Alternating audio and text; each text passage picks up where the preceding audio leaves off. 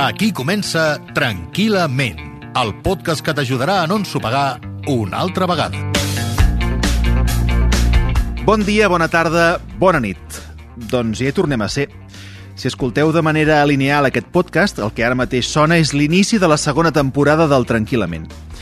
Vam tancar la primera de la millor manera possible, com un dels espais més descarregats de l'univers del podcast de rac amb una fórmula que vol parlar de la nostra salut mental sense por, sense tabú, sense drames i amb la voluntat que les tertúlies, aquestes converses que tenim, us ajudin i us distreguin. I aquesta temporada que, que ara iniciem, que ara comencem, incorporarà més propostes que encara ens aproparan una mica més a tots vosaltres i que ja anireu descobrint. Avui amb un tema que ens angoixa, que no ens deixa dormir, que ens provoca problemes per relacionar-nos amb els altres, que malgrat que d'entrada pugui semblar una cosa bona, potser al final no ho és. Avui, el Tranquil·lament, la trampa del perfeccionista. Xavier Guix, benvingut. Hola. Com molt estem, content, mestre? Molt content d'estar aquí, home, de nou. Quines ganes hi ha de fer més programes És que que tenia. necessitem que ens tranquil·litzis això que Sí. tenim damunt de, Ai, de les sí, espatlles, sí, eh, sí. Xavier, perquè portem unes èpoques molt complicades. Molt I la gent m'ho deia, eh? escolta, necessitem una dosi, un espai de relax i de tranquil·litat, que vosaltres parleu les coses tal com ragen, i de vegades són temes, recordem que l'última vegada que ens vam trobar parlàvem de, de quan hem d'anar al psicòleg, Exacte, és veritat. és evident que aquesta tertúlia no substitueix de cap de les maneres una sessió de psicòleg, però us pot donar idees, us pot donar camins, no? recursos, per sortir de determinades situacions. El Xavier és psicòleg, escriptor i conferenciant, i és a qui li toca debatre amb un servidor totes aquelles coses que ens toquen la pera, n'hem dit psicologia de quilòmetre zero, i dèiem que aquesta temporada explotarem nous canals de comunicació amb els nostres seguidors i, i el principal serà el nostre correu electrònic. Vam començar-ne a parlar la temporada passada, però aquesta temporada n'hi donem més importància. De fet, ja fa dies que l'hem anunciat a les xarxes, és ment arroba ment arroba. Aquí és on podeu fer-nos arribar tot allò que us rondi pel cap. I el primer tema ens l'ha proposat de manera molt contundent la Yolanda Garriga des de Granollers. Diu, sóc una dona perfeccionista. A la feina, amb la meva família i amb la meva vida personal. Vull que tot surti perfecte. Arribo a extrems de no poder dormir si convido gent a sopar i no sé si el menjar em quedarà perfecte. M'angoixa, m'estressa, però ja m'hi he acostumat. Però l'alarma se m'ha encès quan la meva filla, la Sara, que té 12 anys, m'ha dit «Vull ser perfecta com tu». I diu la Yolanda «Això no ho vull per ella». És massa tard, ens pregunta, què faig per deixar de ser tan perfeccionista?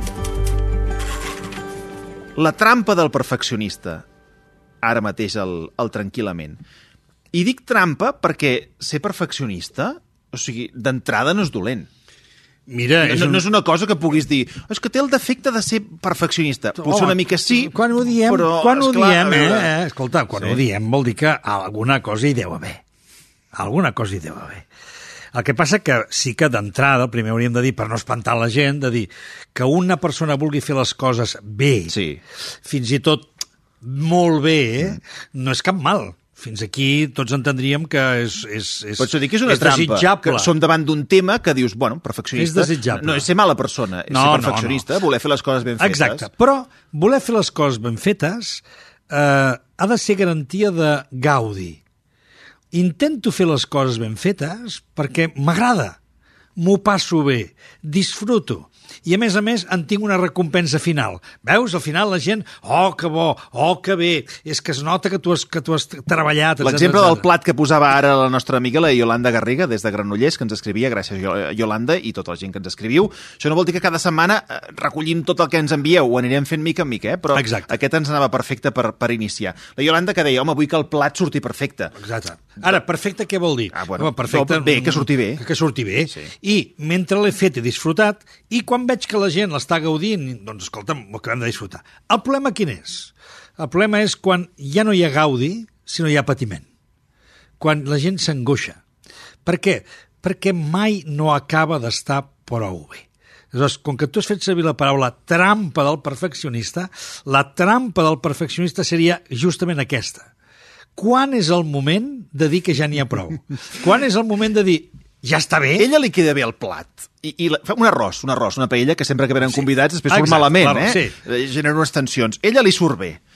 Però ella pensa, potser tampoc en té gaire idea de cuina, no, no ho sé pas, eh, no em vull posar amb la Iolanda, però ella pensa que potser encara podia haver sortit millor. Sí. Però aquesta idea és racional? És a dir, aquest arròs podia haver sortit millor? Hauríem de preguntar quina és la causa o quina és la raó per la qual diu que no li ha quedat prou bé. Ja. Perquè, com et pots imaginar, aquí veuríem que hi ha diferents trampes, també, eh? Hi ha la trampeta de... Bueno, em hagués, pagat- em hagués hagut de quedar millor perquè després que et diguin no, però si ha estat fantàstic, escolta. Escolta, encara que surti malament l'arròs, si la gent t'ho diu, també. Sí. Ha quedat la mar de bé. La mar Llavors de l'escupen eh, el, el, el, primer, Sí. el primer test que troben. Per tant, eh, hem de- hem d'entendre que a vegades es pot fer servir l'excusa de no m'ha quedat prou bé com una mena de cridar l'atenció, com una mena de forma de que centrem l'atenció amb la persona i dir-li no, home, no, que ho has fet molt bé. També hi hauria una altra causa que és, home, comparat amb altres rossos que he fet, a aquest potser li falta un palet d'això, un palet d'allò. I això seria sa. Seria sa, La- si no fa patir, Si la, dic, si la comparació és amb tu, amb tu, amb un altre dia que vas fer una altra cosa. Ara Dius, estem parlant d'arròs, sí. però podia ser una feina, El que sigui. una relació... El que sigui. Mira, hi ha dies que em surt bé, avui li trobo que potser se m'han anat una mica els dits amb, amb, amb la sal. Doncs mira, noi, avui no, no he estat prou fi. Però ja està, no passa res, no passa res. Un altre dia sortirà bé. Per tant, estem dintre del gaudi, estem dintre de les possibilitats i no hi ha problema. El problema s'esdevé quan la persona pateix. Però per què patim? Perquè, aleshores, el patiment ve causat perquè ens sembla que allò ha de ser perfecte. Per tant, hi ha un judici d'idealització. Aleshores, quan entrem en el tema de la idealització, estem entrant en un terreny molt interessant. Perquè és el terreny on la persona ja no és un tema de l'arròs, que li surt més bé o més malament, sinó que, en general, a la seva vida, tendeix a buscar sempre el perfeccionisme. I el perfeccionisme és una obsessió. Aleshores, com a tal obsessió, a més a més està descrita com a tal, és la obsessió perfeccionista, com a tal obsessió és un problema. Causa patiment, causa patiment a la persona que, que ho pateix i causa patiment a les persones que estan a l'entorn d'aquesta persona perquè mai està contenta. Sempre troba pegues i aleshores arriba un moment que dius, home, compte, primera, si no s'ho passa bé. Segona, és que no només no s'ho passa bé, és que n'ha fet una obsessió. I cuidado, que una obsessió és una obsessió, que vol dir la persona queda fixada absolutament en aquell comportament i no el pot abandonar. Té tal nivell de rigidesa personal que no es pot acceptar de cap manera que ho ha fet malament, que s'ha equivocat, que no ve d'aquí, és igual, que no importa... No, no, no. Sempre l'objectiu és la perfecció, fer-ho bé, com mai, superar-se cada vegada, cada vegada ser millor. Aleshores, la superació personal la superació de les coses també ho podríem contemplar, de dir, imaginem-nos una ratlla vermella.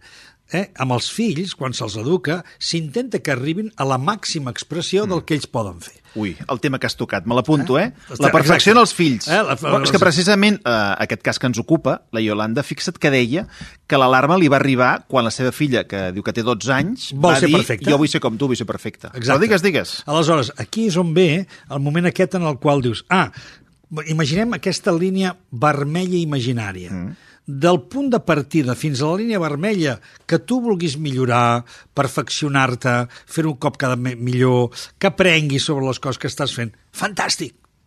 Ara, quan arribem a la ratlleta vermella i estem en zona de perill, Però com sé que he arribat a aquesta ratlleta Perquè vermella? estic patint. Ah, d'acord. O sigui, el patiment és, el patiment. és, és l'alarma. És l'alarma, l'angoixa, el patiment o l'obsessió. Perquè dius, escolta'm, no passa res. Hi ha tothom, el consens de tota la família, el consens de l'empresa, el consens dels teus companys és ja està bé, no cal més. Però i si tu et dona un gran, una gran satisfacció, un gran gaudi, eh, no el procés que implica patiment, sinó que després ho has fet molt bé i estàs content. No. M'imagino, per exemple, l'exemple eh, d'aquella persona Sí. que, que ha marxat de l'empresa, perquè ha sortit de l'empresa, ha plegat a una hora concreta. No, no, torno enrere perquè hi ha una cosa que he d'entregar que no estava prou bé. Però, coi, ostres, torna enrere, això li causa un patiment, però fa allò, fa aquella feina, i l'endemà l'aplaudeix tothom. I aquesta persona et diu, mira, vaig patir, però goita quina satisfacció m'han donat, ara em donaran més diners, tindré un ascens... Sí, mira, si encara la satisfacció fos aquesta i et quedessis aquí, podries dir, mira, com tots hem fet alguna vegada, ni he dormit per aconseguir que allò acabi bé. Ok, mira, potser és un sobreesforç, potser ha sigut una cosa que t'has agafat amb molta empenta, potser és un compromís que tu has fet amb tu mateix i no, no, no has comptat ni les hores. Escolta, cap problema. I has aconseguit la satisfacció de tothom. Escolta, cap problema. Tu veus bé, però el que tu no et creus és que aquesta persona sigui sempre igual. No, és a dir, que es quedi en aquest punt. No, és que aquesta persona sempre que va dient, no n'hi ha prou. Ja. No n'hi ha prou. Encara hagués pogut ser millor. Si hagués fet no sé què, si hagués tingut més temps, si hagués dedicat més no sé quan. Aleshores, caiem en una mena de divinitat eh, de divinitat, és a dir, la persona es converteix com Déu, que vol dir tot, un perfeccionisme, una idealització tan elevada en la qual tota creació ha de ser una creació perfecta. I, escolta'm, no ets Déu. ets una persona i les persones doncs tenim dies, tenim mals dies, tenim moments, se'ns escapen cosetes, no hi posem tota l'atenció exactament igual a cada vegada. Per tant, hi ha petites cosetes que poden fer que allò que en aparença està molt bé eh, no acabi d'estar del tot, del tot, del tot. Ara, hi han persones per qui mai hi ha del tot sempre hi ha una taca, sempre hi ha un que hagués pogut canviar. Aleshores, quan s'entra en aquest punt obsessiu i en aquest punt del desgrat i en aquest punt del patiment i, a més a més, hi ha un enuig perquè aquella persona s'enfada. T'enfades amb tu mateix. I està Ho podia enfadada. haver fet millor.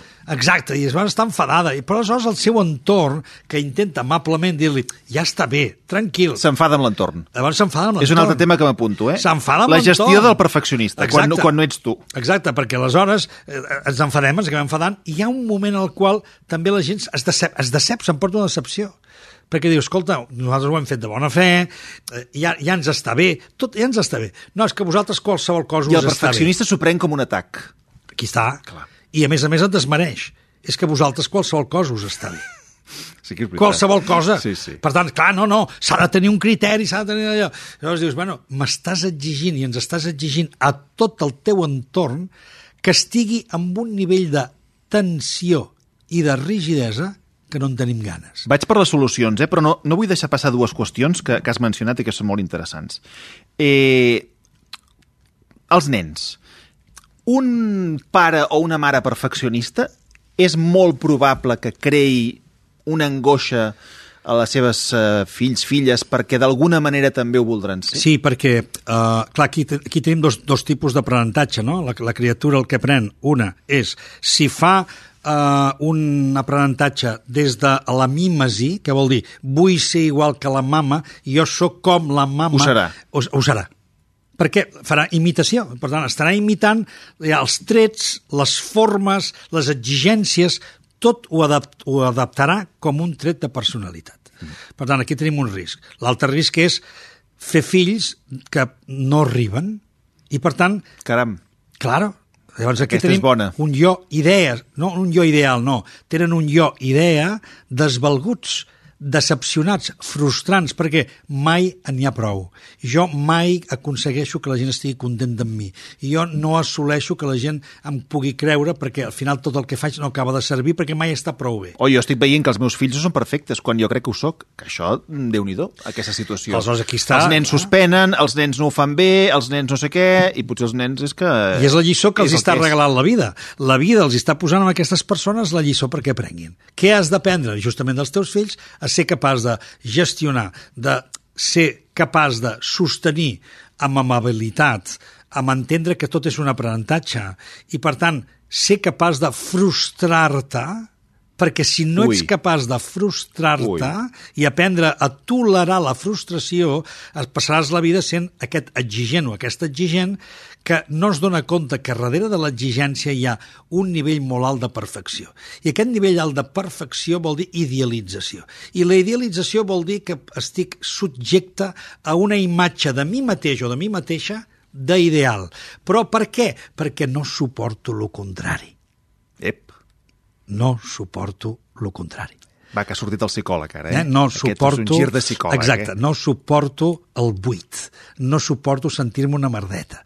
No suporto que em comparin amb els altres. No suporto ser igual que els altres. Però m'estàs dient que el perfeccionista ho és per comparació amb els altres o amb si mateix? És que el, el perfeccionista, al, al marge del tema de l'obsessió, que aquí entraríem en una petita, uh, petit tret o una petita, uh, en diríem, un petit trastorn de personalitat. I dic petit perquè quan parlem aquí de trastorns ens, sempre ens referim a rigidesa de caràcter, que ningú es pensi quan diem trastorn que parlem de patologies. Però sí que estem parlant d'una rigidesa de caràcter, que vol dir que aquella persona no aconsegueix canviar. Per molt que li diguis, per molt que li prometis, per molt que li, li diguis 50.000 vegades, a més la família se n'acaba cansant perquè al final ja et diuen... Bueno, la família, que, companys... Com, i, tam, i, i companys, i, també. I això és tan, uh, o sigui, és tan genèric, aquest tema, que, que compta les derivades que té, perquè una persona molt perfeccionista, per exemple, pot ser una persona que no estigui mai contenta amb la seva parella i que sempre en busqui d'altres i que aquest camí el porti eh, o la porti a no parar de buscar en una mena de viatge eh, és la cap a l'infinit. No? Però fixa que aleshores aquí hi ha, dos, hi ha dos coses molt interessants a tenir en compte. I aquest, aquesta és la part també del psicòleg, que dius tu. Una, aquesta persona perquè funcioni bé la vida necessita fer dos coses. Tenir mandats morals contínuament, molts mandats, la seva vida està basada en mandats morals. Un mandat moral és quelcom que jo m'imposo a mi mateix o imposo als altres. Per tant, què m'imposo jo a mi mateix? Fer-ho tot bé. Però és un mandat moral. Ning, ningú, ningú, allò que està escrit, ningú m'ho demana que jo estigui fent... No, no, però jo obeeixo aquest mandat que tota la vida, potser ja l'havia escoltat del pare, potser l'havia escoltat de la mare, però en tot cas jo el porto integrat. Jo funciono per mandats morals, que vol dir no puc desobeir-me, perquè si em desobeeixo crec que la cagaré, mm. crec que em descontrolaré, crec que ho faré malament. Per tant, mandats morals. I segona condició, exigència molta exigència, un grau elevadíssim d'exigència. Clar, si jo no estic exigint-me contínuament, aleshores crec que ho faré malament. Clar, de què ens hem de donar compte, finalment, d'això? Que darrere de tot ideal sempre hi ha una frustració sempre hi ha un buit, sempre hi ha quelcom que no s'ha omplenat. I llavors, com un pleno allò amb un ideal? Però com que l'ideal no el aconsegueixo mai, Vull mai més. què faig? Exigir-me. Aleshores, entro en una roda que és contínuament frustrar-me i exigir-me, frustrar-me i exigir-me, però en canvi mai baixo fins a sota, que és on està la frustració i el dolor. Has donat una de les claus d'aquesta conversa, que és aprendre a frustrar-se, que d'alguna manera doncs, el perfeccionista o la perfeccionista aprenguin a, a fallar, a, no? a, a frustrar-se. Però com, com frenem aquesta angoixa? Com, com frenem, com sortim d'aquesta rodeta del hàmster? Mira, és que la, el primer de tot és mm, donar-se en compte. Eh? Perquè hi ha persones és un, que... però, sí, però és un cas aquest que algú t'ho dirà. Sempre t'ho diran. Per sort, algú et dirà, escolta, Sempre prou diran. ja, eh? Sempre Prou. t'ho diran, però no fas cas. Perquè, perquè no ho veus. És que no ho veus. Tu continues considerant que has d'obeir aquell mandat de fer les coses bé. Aleshores, el primer que has de, que, que primer és donar-se compte de dir, és, és veritat, estic obsessionat, és veritat, estic tenint molts mandats morals, és veritat, sóc excessivament exigent, i sobretot, connecta amb el teu entorn. Què estic vivint al meu entorn? Ostres, tinc la gent enfadada, tinc la gent frustrada, tinc la gent rígida, tinc la gent que ja no vol ni sortir amb mi. Per què? Perquè mai estic contenta de res. Aleshores, el primer refugi, tancar-me a mi, considerar que els altres no estan a l'alçada. Però després ve el, el, el ser conscient de tu mateix, de dir, ostres, potser sóc jo que estic fent... La... Ah, menys mal, per fi has connectat amb algú de tu que diu, potser sóc jo. aleshores, a partir d'aquest sóc jo, aleshores aquí ve el treball, que és rebaixar el nivell d'exigència, re, mirar els mandats morals fins a quin punt els haig d'obeir, per què haig d'obeir aquest mandat? Qui m'ho mana a mi obeir això? És el meu cap només que m'ho està manant, per tant, per què haig d'obeir? I, sobretot, sobretot, sobretot, començar a abraçar experiències de frustració i donar-te compte que no passa res i que ets estimat igual i que la vida segueix igual i que tot fins i tot és més fluid, és més bonic, és més entranyable i que aquesta vida en la que tu permets fluir amb ella et dona moltes més alegries i menys angoixes que no pas estar en el perfeccionisme. Tu tries.